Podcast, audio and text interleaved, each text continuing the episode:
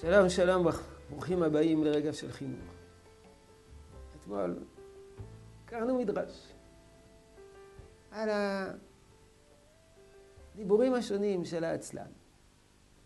אומרים לו, הרבך בעיר, אז הוא מפחד מן הארי. אומרים לו, רבך נמצא בתוך הבית, אומר, אולי דלת נעולה. בסופו של דבר, אה, הוא אומר, אני לא רוצה, אין לי כוח לקום. אני רוצה לישון. וכשהוא קם, אין לו כוח לשים אוכל בפיו. תאכילו אותי. אבל בסוף הוא מחמיץ את השעה.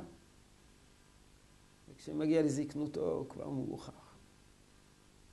ועל כולם אמר משה רבינו, כי קרוב אליך הדבר בפיך ובבבך לעשותו, הוצא דבר מתוך פיך. זאת אומרת, זה ממש קרוב אליך. זה לא רחוק, קרוב אליך זה בתור פיך. אז מה חז"ל רוצים לומר במדרש הזה? אז ברשותכם, אני גם הפעם אקריא קטע מתור דברים שכתב הרב אלימלך בר שאול על המדרש הזה בספרו ריח מים. הוא אומר, הרב בר שאול, שהקטע הזה בא ללמד אותנו פרק בפסיכולוגיה של העצלן. ומתוך אה, הכרת המנגנונים של העצלנות, נוכל ללמוד כיצד להתמודד איתה, עם התופעה הזאת. אומר הרב בר שוב, עצלות איננה שיטה רעה. זה לא שיטה. משום שאיננה שיטה.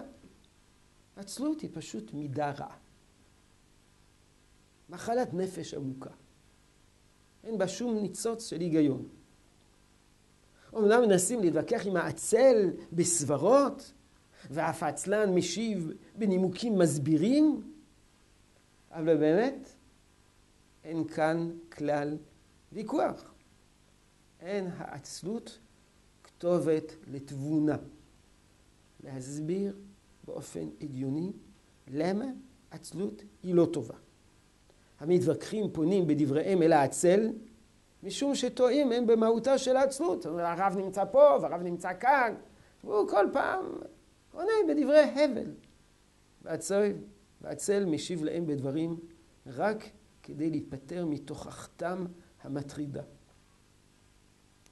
הצל יודע שהוא מגוחך, שכל נימוקיו טוב, אלא שנוח לו בעצלותו כרגע, ואינו רוצה בשום עול של עשייה, של לימוד ודאגה.